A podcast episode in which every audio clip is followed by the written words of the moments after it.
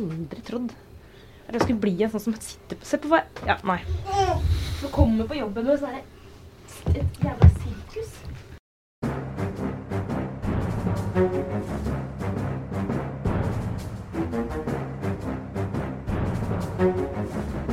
Men da er det en ny uke i Aftenpodden. Eh, Velkommen, politisk redaktør Trine Eilertsen. God dag. Takk. Sara Sørheim, kulturredaktør på plass. Hallo. Vi fikk dumpet lille Aksel utenfor. Ja, nå er det nyhetsredaktøren som passer på lille babyen. Så vi får se. Det er mulig jeg går litt før dere andre i dag. Men uh, enn så lenge så uh, er han i sjakk, og jeg er endelig tilbake i studio alene. Ja. Men uh, ja, dette er jo den store det er sånn uh, dramatisk politikkuke. Budsjettkrise, mulig regjeringskrise på horisonten. Viktige saker. Men aller viktigst en ørliten kjapp rettelse. Aftenpodden beklager. Ja, vet du hva, faktisk, nå er det på sin plass. Eh, noen små feil kan man alltid såpe at ingen legger merke til. Men hvis man går til det skritt å erklære noen som faktisk lever for å være død, da skylder man lytterne, og ikke minst vedkommende, en, en unnskyldning. Eh, og eh, vel eh, å merke er kanskje den borgerlige offentligheten død. I hvert fall så sliter den veldig, veldig tungt. Eh, kanskje til og med er den dødssyk. Men, eh, men Habermas, opphavsmannen til begrepet borgerlig offentlighet, han lever i beste velgående, i motsetning til hva jeg klarte å si i forrige uke. Så eh, nå tror jeg ikke han hører på Aftenpodden, men eh, hvis han gjør det Unnskyld. En skjoldigung, han sa. Ja. Ikke sant? uh, men det alle jeg vet, jeg vet ikke om det er alle. For det alle har snakka om denne uka, her er nok antageligvis uh, Magnus Carlsen og sjakk og sånn. Men det alle i, innenfor politikken og uh, den store samfunnsdebatten har snakket om, er det borgerlige kaos og budsjettkrisen, rett og slett, som har oppstått etter at eh, kan få ta en liten recap av det som har skjedd denne uken. På tirsdag så sa Fremskrittspartiet nei til å røre denne bilpakken, som er et slags uh, stridens kjerne. Uh, Venstre sa rett og slett nei takk til å forhandle videre, og onsdag så fulgte KrF etter. Og Så møtte de riktignok Erna Solberg uh, på onsdag kveld, men, eh, men det, var, det er en stopp. Og vi har jobba litt med å finne ut når vi skal ha sending denne uken. Prøver ikke å bli fraløpt fullstendig av begivenhetenes eh, gang, men det har vi bare gitt opp. Så nå er det, det er fredag formiddag, um, og vi snakker ut fra en sånn nå-situasjon. Og nå, uh, i denne nå-situasjonen så har eh, nettopp uh, de borgerlige partiene vært og møttes hos Erna Solberg på statsministerens kontor. Der kom det et siste forslag fra regjeringen. Og uh, sentrumspartiene har tatt med seg dette til gruppemøter og skal ta stilling. Er det omtrent sånn der vi står? Det er omtrent der vi står. og KrF skal, går, skal møtes nå, og Høyre og Frp skal jo møtes i gruppene sine i dag for å fortelle hva de har lagt frem. og De sier de har strukket seg langt. Eh, Men etter sigende så ligger fremdeles denne her eh, beryktede bilpakken fast. fast. Og i korte trekk, altså bilpakken, eh, essensen er at, eh, at eh, bensin og diesel skal bli litt dyrere. Det er noen sånne fordyrende ting for bilistene. Men netto så vil fossilbilister ha en gevinst på det som vel ble framført eh, av regjeringen som 900 millioner, eh, men som egentlig er 600 ifølge Hareide og Erna Solberg i senere tid. Eh, og det er rett og slett ikke akseptabelt at skal være en sånn, at en, det skal være et plussprosjekt da, å være fossilbilsjåfør. Du kutter i avgiftene, altså avgiftene for, også for fossilbiler, ikke bare for eh, elbiler. Og du skal gjøre det billigere å kjøre gjennom bompengestasjoner i distriktene, og du skal kutte i pendlerfradraget. Men det, og dette er jo egentlig små ting. Eh, Det er ikke små ting for Fremskrittspartiet, men det er, det er egentlig små tall i, i den store sammenhengen. Men det det jo handler om overordna, er jo rett og slett eh, altså For Venstre særlig, og, og også KrF, så er det jo det er vanskelig å støtte et budsjett hvor det er helt åpenbart at vi ikke klarer å oppfylle kravene fra Parisavtalen. Eh, det klarer vi ikke heller med det budsjettet som eh, ligger på bordet, vel, Trine. Men Vi- vi det er et skritt det. nærmere. Det finnes ikke et budsjett i Norge som klarer det, unntatt MDG sitt alternative budsjett. Eh, og det Men da klarer de jo ingen andre ting. helt egen liga, eh, sånn budsjettfaglig. Eh, men, eh, men denne bilpakken har vi snakket om, dette ultimatumet som eh, denne er blitt presentert som. Som enkelte sier at det var ikke helt det Erna Solberg mente, men effekten av det eh, og måten den er blitt oppfattet på, eh, er at det er ikke noe å gjøre. og Sånn er det jo òg. Det skal være meldingen i dag, og det er ingenting å gjøre med den pakken der. Det er jo det som gjør at i hvert fall jeg tror at vi kommer til å se at dette blir avgjort i Stortinget på mandag, og ikke i en avtale mellom partiene i løpet av helgen. Ja, Hvis de skulle klart å, å nå helt på overtid, eh, nesten komme fram til en avtale, så, så må, da må i hvert fall én, og helst to, av partene gi seg, altså Frp og Venstre, eh, må på en eller annen måte gå bort fra Frp må på en eller annen måte gå bort fra det ultimative kravet om den bilpakka. Og hvis ikke det skjer, så sant, da er det, da er det Stortinget, Trine. Det er sånn det blir da. Ja. Men, men det jeg tror uh, har vært litt sånn krevende for mange av oss uh, når vi har sett på dette og analysert det, at vårt, vårt premiss og vårt utgangspunkt er jo at alle disse fire partiene ut fra alle normale analyseparametere har interesse av at denne regjeringen ikke faller på dette. De har interesse av at samarbeidsavtalen eh, lever frem til valget neste høst. Og Derfor har vi liksom prøvd å si hvis det er sånn at ingen har interesse av For du sier jo ofte det at det blir ingen regjeringskrise i et land med mindre noen vil at det skal bli regjeringskrise. Så klarer du alltid å finne en løsning og finne en vei. Og Da er jo spørsmålet er alle disse partiene helt sikre på at de ikke vil ha en regjeringskrise? Ja, altså I verden før 2016, eh, altså fra altså 2015 og bakover i tid, så ville det her vært ganske Jeg føler sånn grei skuring. Sånn, ja, men de ønsker å sitte i regjering, så da får de det sikkert til. Det blir litt drama, og de får markert seg. Eh, noen vil vinne i opinionen på det, andre vil kanskje tape, men regjeringen stevner frem. Men nå er jo ting litt uh, hva skal jeg si, Det er et uvanlig vanskelig år å spå. Og en av grunnene er at det er ikke sikkert at alles rasjonelle valg er de samme som det vi tror at de er. Kanskje ikke det er sånn at regjeringsmakt f.eks. er det som er hovedutgangspunktet for alle parter. Og vi har, jo, uh, vi har jo snakket om dette nå egentlig flere uker. og min tanke har vært at det antageligvis blir en enighet. Jeg tror vel kanskje det fortsatt. Men det er to måte, store skjær i den sjøen. Da. Og det ene er jo hvis det er noen som faktisk ikke er så interessert i å bli enige, og, og hele tida har tenkt at ja, det er ikke så farlig hvis dette går galt og løses opp. Uh, og det andre er jo hvis, uh, hvis, de rett og slett gjennom denne prosessen, som blir ganske satt på spissen, blir, blir, så, blir, så, uenige at de ikke klarer å hente inn igjen egne og, og, andre til en enighet.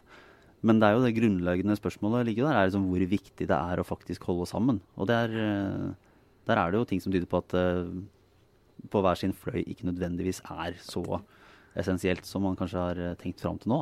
Ja, jeg tror begge de årsakene til at det skulle bryte, Lars, er jo relevante. Og det er jo igjen, altså Hvis du snakker med folk i opposisjon i Arbeiderpartiet og SV, når de kommenterer dette, og de, de gjør det jo gjerne, uh, så er det liksom selvsagt blir de enige. De kommer jo frem til en løsning til slutt. for det, det, er jo helt, helt idioti å liksom la dette prosjektet falle nå på dette tidspunktet før valget. Det går ikke an. Uh, så nå skal de bare lage masse støy, og så skal de bli enige. Uh, men, men det, alle de har jo en tradisjon, også de som kommer fra SV, om at når du først er inne og har kommet i regjering, så sitter du ved det bordet til det bitter end, og du bl.a. får vise at du er et styringsdyktig parti. Mm. Uh, og de tar for gitt at dette er viktig for alle partiene som er involvert her. Men det er ikke like viktig for alle de partiene. For Frp er det ikke så viktig som det er for de andre partiene.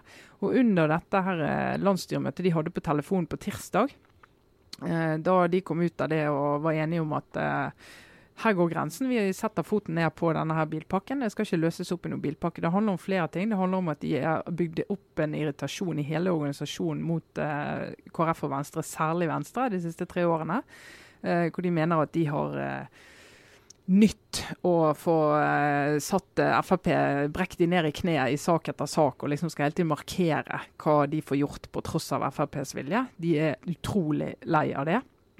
Eh, pluss at det er reelt for dem. Altså denne her eh, omsorgen for bilistene, den er helt reell i Frp. Og den, den, er det mange av oss som kan se på og si ja, men det er noen så små eh, kroner og øre, hvor viktig er det? Det er svært viktig. Så det var jo noen som snakka her om i denne løpet av uka som, som snakket ja, ja, men også skulle måtte felle en regjering på symbolpolitikk. og mm. var litt den der. Eh, for det første så kan du diskutere om det er symbolpolitikk, både, både klima og, og i og for seg avgifter. Eh, det er jo det disse partiene virkelig lever av. Men noe annet er jo at det er jo relativt vanlig at regjeringer felles på symbolpolitikk. Det er, på en måte ikke, det er jo sjelden at det er på en måte de kjempestore summene eller på en måte ja, Nav eller liksom de reformene som feller. Det er jo et gasskraftverk eller en mm. bensinpris eller noe sånt som, som ligger liksom nærmere hjertet enn hjernen, som ofte gjør at mm. uh, noen faktisk velger å, å, avstå fra makt. Da. For det er jo sjelden sånn hyperrasjonelt å tenke at man ikke skal sitte og styre. Uh, så når det skjer, så er det jo ofte på en eller annen ting som er, som er veldig nært den identiteten og kjernen i et parti. Ikke nødvendigvis så, så, lett å tenke seg til for de som står utenfor. Ja. Det går, ja, det går jo an å se for seg at det, slik den politiske debatten er nå, eh, hvor man ser at liksom, høyrepopulismen har fått et veldig eh, oppsving eh, i både i USA og Europa, så, så går det sånn å tenke seg at, eh, at det, det jeg mener Det går an å se for seg at det er en logikk i deler av Fremskrittspartiet hvor det for dem å stå utenfor regjering nå fram til neste valg, uh, uten å måtte da ta uh, ansvaret for uh, og, og, ikke minst svelge de kamelene som de er nødt til å gjøre hvis dette her skal gå, men istedenfor stå utenfor og nettopp vise fram sine symbolsaker i all sin prakt, at det faktisk er for dem en muligens et rasjonelt alternativ. Det kan kanskje gjøre partiet større ved, ved neste stortingsvalg enn å være i regjering. Altså, det er, det er, jo en logikk der som den er altså, ikke helt irrasjonell. Carl I. Hagen har skrevet et brev eh, til partiet hvor han argumenterer egentlig for det og sier at det her eh, dette, og det, men, men, og det er jo logikken i Frp nå. Uansett hvordan det går på mandag, så kommer vi vinnende ut. Vi kommer ut som vinnere. fordi at Hvis eh, det er sånn at regjeringen blir felt, så kan vi si OK, vi satt foten ned på en sak som er utrolig viktig for oss vise til velgerne at vi står opp for dere når det gjelder. Det er ikke så viktig for oss å kjøre svarte biler. Det har de sagt bestandig. Mm. Eh, og det andre er at de til en viss grad kan si vi strakk oss veldig langt. Dette er egentlig Venstre sin skyld. Og det har de, har de uh, veldig behov for å kunne putte bleimen der. Og da vil en del av Frp sine velgere vil ikke da klandre de sånn som en del av vår, vi som sitter og ser på det, sin logikk er for at de ikke er et styringsparti og ikke tar ansvar og sånn. Tenker ikke sånn. Og det er Trond Birkedal, som var i, eh, tidligere FpU-leder, som var i debatten på NRK i går, han sier jo det at eh, det som skjer nå, er at Frp-velgerne kommer ned fra gjerdet. Mm. Og så kommer tilbake til partiet og ser at nå, dette er jo det Frp kjenner igjen. Uh, falt på målingene, Men nå i høst har de sett et Frp de kjenner igjen. og Dette er jo velgere som ikke går til andre partier. De setter seg og venter og ser finnes det et parti for meg. Og nå ser de konturene av det. Og når du ser hva som skjedde med SV, det jo, blir jo stadig vekk trukket frem, men altså de fikk veldig lite betalt for å vise styringsdyktighet.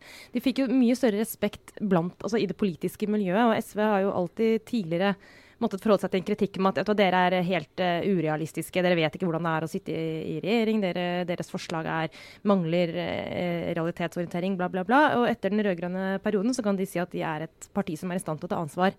Ja vel, men de er også et parti som kjemper med sperregrensa. Det er lite å hente uh, der ute ved valg, tydeligvis, da, på nettopp å være styringsdyktig.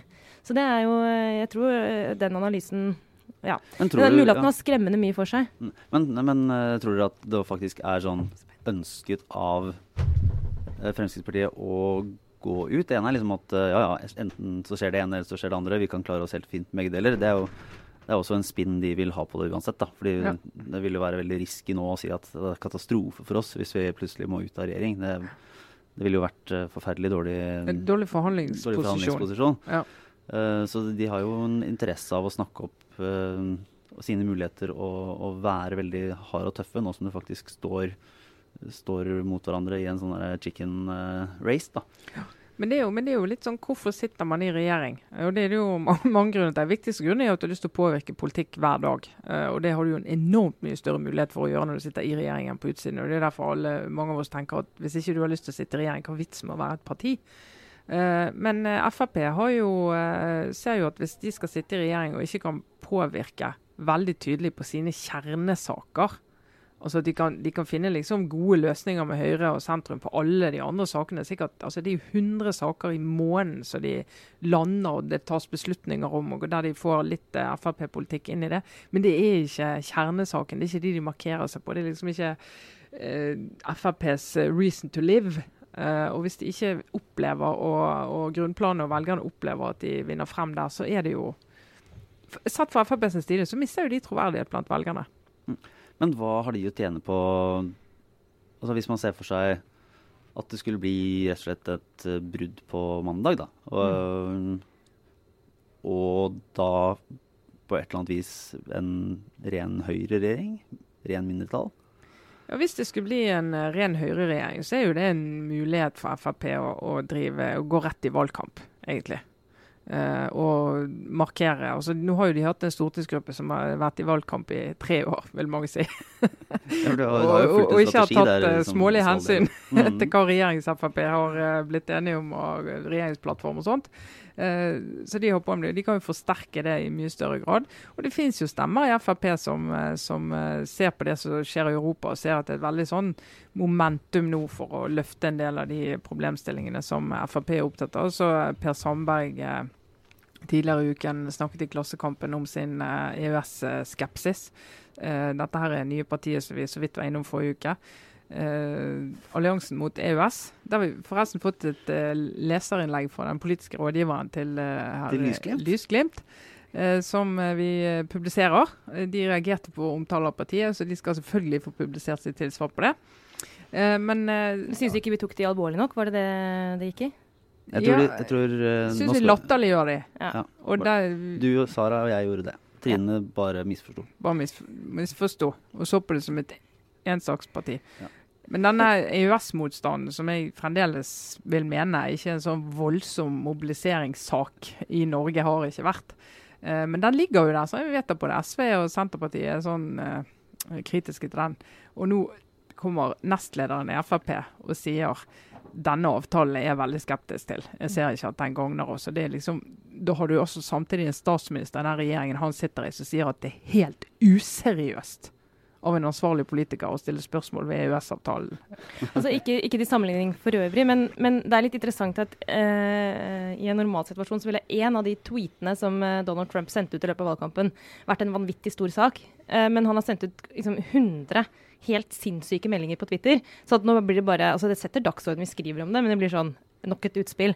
Uh, og, og, hvis vi ser i norsk sammenheng, altså, uh, det ene, bare det ene utspillet fra, fra, Sandberg om EØS er egentlig helt horrendous når sjefen din er så krystallklar som hun er, som, som du sa nå, Trine. Så, så, så det, det, er egentlig helt vanvittig at han sier det. Det ville blitt en stor sak hadde det ikke vært for at dette da er partiets strategi og hans strategi, og at vi har blitt vant til at, uh, at, at dette skjer med jevne mellomrom. Men det er jo egentlig helt uprofesjonelt. Men altså sett ut fra den som den samme, uh, det samme utgangspunktet som, som, vi har. ikke sant? Det er irrasjonelt å gjøre det, fordi uh, dette er et tema hvor, det egentlig, hvor regjeringen ikke skal dette skal ikke opp. Så, vi kan ikke se hvorfor det skal være riktig av, av en statsråd å plutselig gå ut og melde dette. Med mindre hans logikk er en helt annen. Med mindre han faktisk ikke er så interessert i hva som er smart inn i regjeringen. Han er, snakker til en helt annen gruppe der ute. Men hvis, hvis det skulle være sånn da, at, det blir et brudd, Høyre fortsetter på et eller annet vis, Fremskrittspartiet går inn i valgkampen neste år med samme absolutte krav som tidligere, det blir ingen borgerlig regjering uten at Fremskrittspartiet er med. Um, hvordan i all verden skal de kunne samarbeide på nytt til høsten? Er det, er det på en måte er det, det kort kortsiktig å tenke at det skal være vanskelig? Altså, det er jo det på en måte alle andre på borgerlig side ikke forstår. Akkurat den delen av det, og langsiktigheten i det. For det er litt sånn, hvis du først, og det var jo vurderingen til SV da de satt i regjering. og De hadde jo den diskusjonen på våren som Jens Stoltenberg skriver om i sin bok. og Det var nettopp EØS-saken der både SV og Senterpartiet begynte å lufte at uh, kanskje vi også skal flagge at uh, vi vil jobbe mot det. Og Jens Stoltenberg og Arbeiderpartiet sa må gjerne gjøre det, men da er det da er det over og ut. Da kan du bare drite i det. Da kan du bare... Ja. Da er det ikke pause, liksom. Da er det faktisk brudd. Ja, så de bestemte seg jo for ikke gjøre det. Men, men, men de også, alle partier har jo faser der du ser at det er en, en knagg hvor du altså, Kanskje det er den vi skal gå på, kanskje det er den vi skal bryte på. At det, at det kan gagne oss. da. Uh, men da var jo vurderingen at det kommer ikke til å gagne oss til høsten når vi skal stille til valg, og vi ikke er en del av et alternativ, et realistisk alternativ. Men for Frp så, så er det flere som sier det at men for oss som ser at vi kan ha et velgerpotensial som er langt større enn der vi ligger nå, det tror jeg kanskje de har rett i. Uh, så uh, vår styrke, hvis vi begynner å nærme oss størrelsen til Høyre neste høst Vi er helt umulig å ignorere hvis det skal eksistere et regjeringsalternativ. Høyre kan ikke komme i regjering uten oss på en eller annen måte. Sånn at jo sterkere vi blir, jo lettere blir det for oss å komme unna med sånne ting. Mm. Sånn maktfaglig, da. Da kan vi sitte der neste høst og si ja, må gjerne kalle oss vi er ikke styringsparti, men du kan ikke styre uten oss likevel. Mm. Men har, har, Erna Solberg ved denne liksom, forsonende vi skal stå sammen på borgerlig side, gjort det umulig for seg selv å dytte Fremskrittspartiet unna neste år, hvis Fremskrittspartiet blir størst da, i et teoretisk uh, scenario? Det er liksom, Du har et, et uh, Frp som faktisk er litt større enn Høyre. Det er, jo, det er, jo, katastrofe for Høyre. Ja. Det er det de aller aller mest redd for. De har vært der før. Husker den valgkampen da, da NRK og alle skulle ha eh, statsministerdueller mellom eh, Jens Stoltenberg og Siv Jensen. Du vet, Høyrefolkene de, jeg tror ikke de kom seg ennå. De, er- de er så senskadet etter den eh, valgkampen at det er bare grusomt. Det gikk med en del flasker kjølig eh, på Frogner, for å si det sånn, for å døyve den smerten. jo, eh, det var jo eh, Frp på enkelte målinger langt større enn Høyre. Mm. Eh, Det var faktisk over 30 på noen målinger. Det var jo katastrof, virkelig katastrofe for Høyre. Og de er så redd for det. Og det er jo eh, noe av det Høyre Når de strekker seg så utrolig langt som de gjør for å holde Frp på innsiden. Altså Av og til eh, kan de avsløre i sånne ledergrupper, så tar du folk inn eh, som er så sykt kritisk. Ja, jeg vil si negativ. For du tenker at eh, det er bedre å ha de på innsiden og pisse ut enn på utsiden og pisse inn. Det gamle, kjente trikset. Ikke i vår ledergruppe, da. Men uh, det har skjedd. det har skjedd. Jeg har sett det sjøl. Av og til så tar du inn en, en kulturredaktør eller noen som, Som ellers ville lagd så utrolig mye støy. Utrolig mye Ja, støy lager jeg uansett, da, men Ja. eh, litt annen type. Nei, men altså, Ja, men keep, your, men keep men, your friends ha close. De, må ha de tett på. for det er ikke, det absolutt vil ikke gagne Høyre å ha de på utsiden av flere grunner. Både at de ikke har styringsalternativ å representere, og at uh, Frp er en genuin trussel for eh, Høyre Men blant altså, velgerne. Det er en- da, jeg mener det må være en helt åpenbar mulighet nå at uh, Frp vil tjene stort på å gå ut, og at vi ved valget vil få uh, Frp som det største partiet på borgerlig side. Det, det, altså, med tanke på hvordan vinden har blåst i det siste, så er ikke det, en, det er ikke utenkelig at det kan skje. Og, og da utløser jo også det en um, uh, Som vi var litt inne på forrige uke også. Det, eh, kimen til en viss identitetskrise også på høyresida i politikken. Særlig da nettopp i det dannede Høyre. Og siden vi snakka om det sist, så, så har jeg um, lest eh, nok en gang en eh, veldig lang og veldig god artikkel av, eh, av Nick Cohen. En av mine, som dere vet, eh, favorittskribenter. Det er jo sånn pushmelding du hver gang du skriver noe. Ja, ja, ja. Pushmelding. Eh, det er, det, men, men altså, hans poeng er at eh, han Det er basert på, på politikken i Storbritannia, men at nettopp uh, toryene der, altså den konservative bevegelsen, har egentlig ikke klart å takle utfordringen fra, fra høyrepopulistene. Og de klarer ikke å stå imot, og de mister på en måte å si, verdigheten, altså decency er det han sier, eh, fordi det blir for fristende å omfavne eh, høyrepopulismen fordi det akkurat nå er veien til makt for mange, mange steder i Europa og i USA, som kjent. Eh, og det, det vil jo sannsynligvis kunne lett se for oss en lignende problemstilling her hjemme for Høyre. Eh, hvis Frp går ut, eh, se for dere partileder eh, Sylvi Listhaug eh, osv. osv. Altså, hvordan skal hvordan skal de svare på dette gjennom hele tiden å søke samarbeid? Men at det er en risiko der for at Erna Solbergs parti blir helt borte. sant? Eh, Hvordan skal de markere seg i møte med et uh, unnskyld uttrykket, populistmonster av et parti, som Frp kan bli? Så dette her, og, og, da, og, og vil de da stå imot? Vil de representere det som er det dannede Høyre, eller vil de liksom gi seg? Det mener jeg det kommer til å bli et stort spørsmål i norsk politikk Nå er vi fremover. veldig langt inn i det hypotetiske her, da. Ja, vi er det. Jo, men det er likevel ikke helt far-fetched Nei, nei, nei. Men, det, men det er bare eh, Det forutsetter jo annet at de ikke blir enige i løpet av helgen og i løpet av tre dager. Ja, denne det er denne podkasten skal jo vare til eh, hvert fall til søndag kveld, hadde vi tenkt. Ja. I går for et sånn eh, 48 timers perspektiv. Ja. Men eh, hvis vi skal se litt på, på andre sida av det, da. Mm. Altså i eh, Det er jo først og fremst Venstre som har kjørt uh, Hva skal jeg si Kjører den andre, andre bilen eh, rett, rett mot dette Frp-kjøretøyet. Altså, hva, hvordan har de egentlig spilt kortene? Det har vært noen saker i, i Dagens Næringsliv denne uka som eh, tilsynelatende har, eh, har vist et litt sånn delvis splitta gruppe bak Trine Skei Grande. Det har ikke vært helt enighet om den tøffe linja hun har, eh, har hatt. Selv om det veldig Venstre sier at det ikke nødvendigvis er et helt presist bilde. Nei, altså det jeg vet når jeg har snakket med folk i Venstre, det har vært litt sånn uenighet om ordbruken til, eh, til Trine Skei Grande tidlig i denne prosessen. Og så at det har vært denne voldsomme vektleggingen av at disse kuttene, utslippskuttene, skal være de store utslippskuttene skal komme allerede neste år. Altså, jeg vet, I denne klimapolitikken kan du mange forskjellige tiltak. Noe får effekt med en gang, typisk litt sånn bil. Eh, og noe får effekt om 10-15 år, typisk sånn nye kollektivting. Eh, og så har de sagt at liksom for vår egen del så og det å liksom låse oss til at det skal være store kutt allerede neste år, det, det innsnevrer vårt forhandlingsrom veldig. Selv om det var merknaden i fjor eh, sa at de skulle bli enige om et budsjett som eh, sørget for store utslippskutt. Men det står jo ikke der at det skal være store utslippskutt i 2017, for det er så krevende å få til. Mm. Men, eh, så det har vært litt uenighet om det. Og det andre det er selvfølgelig en evig diskusjon med Venstre. Det er jo i hva grad de skal klippe, klippe navlestrengen til eh, Erna Solberg sitt borgerlige styrings, eh, styringsalternativ. For det er det de har. Så Senest i Klassekampen i dag har laget en sak der de har snakket med fylkeslederen i Venstre. Alle sier det. Vi hører til på borgerlig side. Mm. Det er Høyre som har vår statsministerkandidat, med ett unntak. og fordi å, å stelle seg sånn at de plutselig ikke er en del av et uh, styringsalternativ, det er veldig sånn skjebnedramatisk. Men de også, i går når jeg snakket med de, når de satt egentlig og jobbet med programarbeid og helt andre ting og endelig ikke snakket om budsjett, de syntes det var gøy, snakke om politikk. Uh, så er det jo uh, litt sånn vemod og sorg over det, men de, de, må liksom bare begynne å tenke nytt. Så I Venstre opplever jeg at de er sånn OK, det gikk ikke nå. Det gikk ikke nå. Men de har, ja, men de har litt samme, samme, grunnlag som Fremskrittspartiet nå for å, for å gi inntrykk av at de heller ikke har noe å tape på et brudd.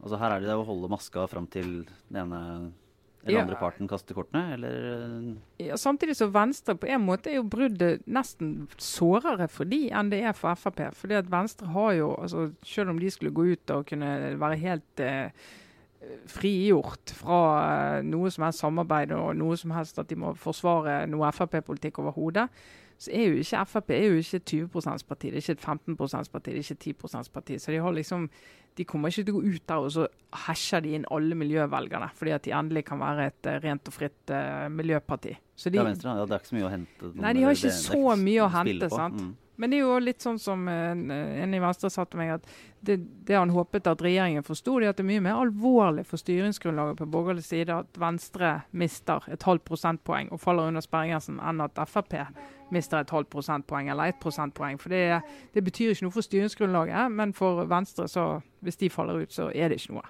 styringsgrunnlag. Mm. Men eh, skal vi, liksom, skal vi driste oss til noe harde noen spådommer, eller når vi først sitter her, da? Det er nesten så vi må sjekke mobiltelefonen og se om det har kommet noe ja. som helst uh, mens vi sitter her, siden vi er så veldig uh, aktuelle at vi nesten gjør det vanskelig for oss sjøl. De lydene dere hører nå, er ikke jeg som biter negler av fortvilelse og gnisser tenner. Det er, uh, det er babyen, det er nyhetsredaktøren som måtte i et møte, så nå er det altså med lille, lille gutt i studio. men altså mens dere sjekker mobilen, så sitter jo jeg går rundt, rundt og rundt og, og, som dere har hørt nå, bare ser for meg en, en nå politisk fremtid hvor liksom ingen tyngdelover uh, gjelder lenger. Så jeg bare Det eneste jeg har lært nå, er at uh, jeg har ikke tenkt til å prøve å gjette hva som skjer uh, akkurat de neste dagene. Jeg skal bare lene meg tilbake. Kanskje ikke hente popkorn, for det er ikke så lystig. Men jeg er rett og slett bare helt sånn genuint spent på hva som skal skje på mandag. Jeg synes det er Jeg, jeg, jeg aner ikke. Uh, Trine, har du, har du, litt mer selvtillit? Vil du nei, ta en sjanse? Nei, jeg, jeg, skal ikke våge mer på det. Men det, men det er bare én ting jeg tror vi må ta inn over oss etter denne høsten. Og det er jo dette med Parisavtalen. Jeg tror ikke verken regjeringen eller alle andre, veldig mange andre, har tatt inn over seg hva det betyr at Norge har signert denne avtalen og hva det betyr for budsjettene fremover, for de politiske samarbeidene fremover, de ulike regjeringskonstellasjonene. Den kraften som eh, miljøpartiene har fått nå når de skal inn i forhandlinger, å kunne vise sånn tonn for tonn i hva grad disse budsjettene drar i etter. Det er en helt ny dynamikk. Helt ny dynamikk. Og det er et viktig spørsmål om Frp kan sitte i en regjering som har som mål å oppfylle Parisforpliktelsen. Mm. Jeg tror ikke det. Jeg tror rett og slett ikke at det er mulig. Og det er for hele den logikken i den bilpakken er det motsatte. Det er ikke eh, et sånt bidrag. Og det er sånn som jeg tror Høyre ikke helt har tatt inn over seg hvor, uh, hvor krevende det blir. Mm. Mm. Skal jeg driste meg, da? Ja, Lars. Altså, du må gjerne ta en uh, take a shot. Det blir så tradisjonelt. Nå har jeg liksom ment at de kommer til å bli enige til slutt uh, hele veien. Skal du skifte mening nå? Jeg, nei, jeg skal ikke det. Nei. altså, jeg, du tror de blir enige på søndag? Tradisjonell og kjedelig. Jeg tror de blir enige. Også, ja, alle fire? Tror du det? Ja. Bra. jeg merker Lars, at jeg tror ikke det. Nå sa jeg det høyt likevel. Hvis, men får, det, altså. hvis, hvis, det skjer, Lars, skal du få en flaske vin av meg. Ikke så dyr, men det skal du få. Oi. Men Ja, ja. Nei, men det Så da får du jo jobbe for det, da. Vi får jobbe for det. Ja, vi får uh, stå for det, for det stabile, gode, gode fremdriften i det norske samfunnet. Ja, vi, vi, har jo egentlig Jeg har jo skrytt så mye av norske politikere. Jeg mener jo at de er flinke å ta ansvar og se helhet og alt det der. Sånn all in all. all in all. Så vi får jo Jeg, jeg mener det blir er galt at regjeringen skal gå nå. Jeg mener det. Altså, det, det, er ikke sånn vi vil ha det. Vi vil ha skifter på valgdagen. Det er da vi skal ha skifter, ikke midt i året. ja, altså, hvis eh, ansvarlighet fortsatt gjelder som, eh, som en slags sånn eh, en, Noe vi ønsker at de som styrer landet skal ha. Hvis de er enig i det at det er en fin ting å ha, da blir de enige. Altså, det ansvarlige å gjøre nå er å, er å bli enige og sørge for at landet får et budsjett, og at vi har en, en regjering som kan vare til valget. Det eh, får vi, Så kan vi ikke heller bare konkludere med at vi håper at vi kommer til enighet av den grunn. Men vi er ikke sikre. Hele verden er i opprør og oppløsning. Du kan ikke vi sitte her og ikke ha regjering At ikke vi skal ha ting vårt liksom, før jul. Det går ikke. Altså, Verdens si rikeste sånn. land. Kom Ja, igjen. ja, vi- Norge kan ikke bli Belgia. Jeg orker ikke at vi skal bli Belgia. Det Altså- mener jeg det er et slag for selvtilliten eh, jeg ikke er i stand Norge til må å ta. aldri Vi, bli styr, Belgia. vi skal bli styrt av Olemic Thommessen på ubestemt tid. Det er det som er scenarioet. Og dette Nei, nå må vi det her eh, Da vil jeg nesten spørre, da tenker jeg at det kanskje kan bli kong Harald sin eh, store tid. nå Nei, bare tenker Hvis det først alt er i spill, kunne ikke kong Harald tatt seg en tur ned til uh, Sara Sørheim, vet du. Den gamle Sara republikaneren. Har vært med på ett sånn møte med kronprinsparets ødelagt. unge ledere. Og Du- plutselig så kommer du med et sånt forslag, forslag om et slags statskupp. Du, Lars, du tar helt feil. Du kaller meg gammel republikaner. Nei, nei. Inni meg så ligger det begravet en så utrolig bleeding heart monarkist. Du skulle bare visst. Ja, ja. Jeg må Åh, kjempe hver dag. Jeg bor tross alt rett bak Slottet. Jeg er egentlig jeg er utrolig glad i monarkiet. Nå har jeg sagt det høyt, men jeg, jeg fortrenger det. Jeg jobber med det hver dag for å slutte å bli det. Men, Men- kjære fru Sydhjem, Ja, ja. som du nå kommer til å hete herfra ut. Vi Det er helt sant. Vi går videre. Nå kom det ut, altså. Vi gjorde det. Ja. Jeg vet ikke om det var en obligatorisk refleksjon, men eh, det var fint å få det. Fint å få det. Det hører ikke hjemme i, i eh, refleksjonsbåsen i hjernen. Det er mer en, Du er en eh, av de få redaktørene jeg vet om som er monarkister, skal du vite. Ja, men ikke på trykk, da. Forskjell på å være det på hjertet sitt og i hjernen sin, må Ja, dere vite. Ja. Men eh, hvis vi går videre, Sara. Din obligatoriske refleksjon inn i denne litt eh, spesielle uken. Du, altså, jeg har jo eh, brukt denne, tiden, denne uken på, på tre ting. Babyen, eh, politikk, fulgt med på regjeringskrisa, og selvfølgelig sjakk. Eh, nå ble jo Carlsen verdensmester. Eh, I dag har jeg kost meg veldig med en artikkel på nrk.no om hva som skjedde i kulissene. Og det er alltid, synes jeg, utrolig gøy å lese om behind the scenes fra ting man har fulgt med sjøl. Og her, Aksel. Carlsen var jo nå er snart eh, vi på vei ut av studio, men før jeg går, skal vi si at Carlsen var jo i nærmest full oppløsning. Og NRK forteller historien om hva som skjedde, for å få ham på, på rett kjøl igjen. Og de tok seg en fest. Men det var ikke en hvilken som helst fest. Da kan du eh, fortelle hva de gjorde, Lars. Jo, nei, det var Ja, det er, nå, eh, nå er denne festen også over. Eh, nei, nei, det var det Jeg har jo i og for seg lest også denne svært gode NRK-saken eh, med interesse. Uh, men også fordi denne festkulturen da, i sjakkmiljøet er litt annerledes enn det man ser de fleste andre steder, også i idretten, egentlig. ikke minst i fotball. Ja, så, men det var, eh, det var fint. Da tok han med seg kokken sin, og så gikk han ut på middag. Og så kom de tilbake De var ute litt sent, og så kom de tilbake til hotellrommet, og så var det var det Carlsen og kokken og faren og søstera og manageren som satt og spilte Avalon, eller sånn brettspill, jeg vet ikke. Uh, og, og prata om fotballspillere og basketstatistikk. Og det alle lurer på, var de fulle?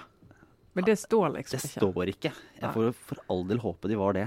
Ja, Ellers så høres det helt ulydelig ut. Ja, det er jo, jeg har jo hørt 'fest uten fyll er falsk idyll'. Det lærte jeg da jeg vokste opp. Det er den harde, harde bergensmiljøet. Jeg sto på et busskur der jeg vokste opp. Ja. Men eh, og du da? Obligatorisk refleksjon? Nei, vet du, det Har du tenkt på noe annet? slett- Ja, det vet du hva jeg har gjort? Jeg gjør det jeg gjør hvert år når det er desember. Da eh, drar jeg frem julelistene mine. Dette er ikke refleksjon, det er en anbefaling. Vet du, alle må høre på julemusikk i desember. Eh, og jeg mener det finnes julemusikk for alle. Og det, det Du må skru det på når du står opp om morgenen, og du må bare fortsette når du kommer hjem fra jobb, og sette stemningen. Og det er ikke så viktig med julepynt, men du må høre på julemusikk. Så jeg tenkte rett og slett jeg skulle komme med mine, mine favoritter akkurat nå. Bare slå til. Jeg har, savnet, jeg har vært på Kultur og etterlyst eh, juleplateanbefalingene og eh, info om nyutgivelser. Jeg fant det hos Vårt Land. Har hørt litt på de, men jeg var ikke særlig fornøyd, så jeg går på en del gamle ting som jeg har hatt fra før. Eh, og Bugge Wesseltofts eh, 'Snowing on my piano' den, den er obligatorisk. så Den regner jeg med alle har. Det ligger Det- det i bunnen på en bunnplanken, måte. ja. Det er bunnplanken. Eh, og så syns jeg alle skal høre på Solveig Slettergjeld. 'Natt i Betlehem', fantastisk eh, juleplate. Eh, og så må du innom eh, altså julesanger. Har du noen gang vært i en engelsk kirke på julaften? Nei, det det, det har du kanskje ikke, Lars. Det har jeg. Å høre engelske julesanger på julaften, det er kanskje noe av det mest stemningsfulle som fins. Og Westminster eh, Catholic Choir kan du jo høre på hvis du får tak i det. Høre på sånn ordentlig korsang og britisk eh, julemusikk. Og Skrukk, Sunnmøre kristelig ungdomskor, Lars, laget en plate for en god stund siden som heter 'Stille natt'. Den òg er, i min eh, grunnpakke for julemusikk. Dette her er et magisk podkastøyeblikk. Ja, og så, må jeg da få, få en tips eh, som jeg fikk fra Helle Årnes eh, en gang. Altså Ivar Kleivåge Kvalbein de har også laget en sånn julemeditasjon. Det er Noe litt mer sånn bakgrunnsjulemusikk. Og så kan du selvfølgelig eh, høre Sondre Bratland, 'Rosa fra Betlehem'. Da, nå er jeg inne i det norske universet nå, med unntak av disse britene.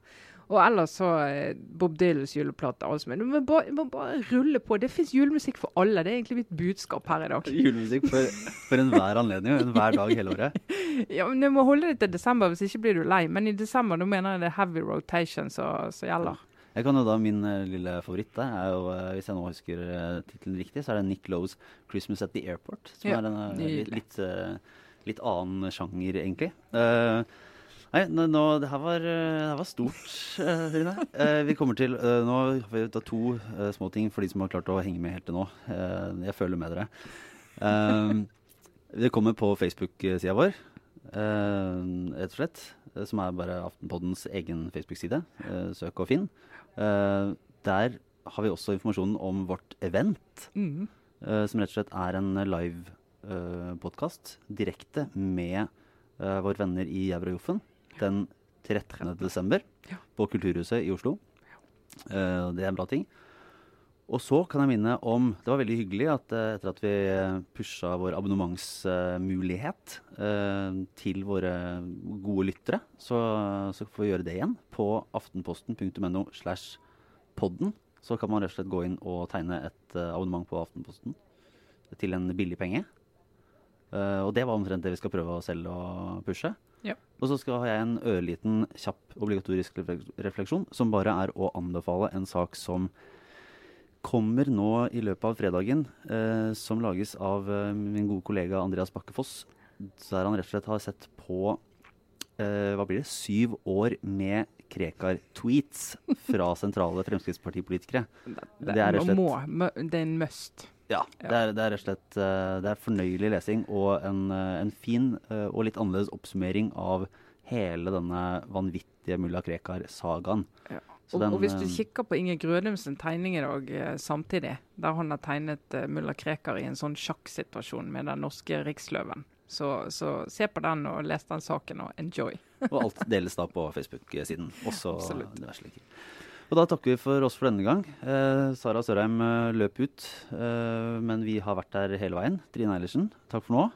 Vær så god. Vi er vel tilbake så fort det blir en løsning, så prøver vi å være på, på ballen, rett og Ja. slett. Hvis landet kastes ut i regjeringskrise, så kastes Aftenpodden inn. Ja. Ja. Eh, det er et løfte.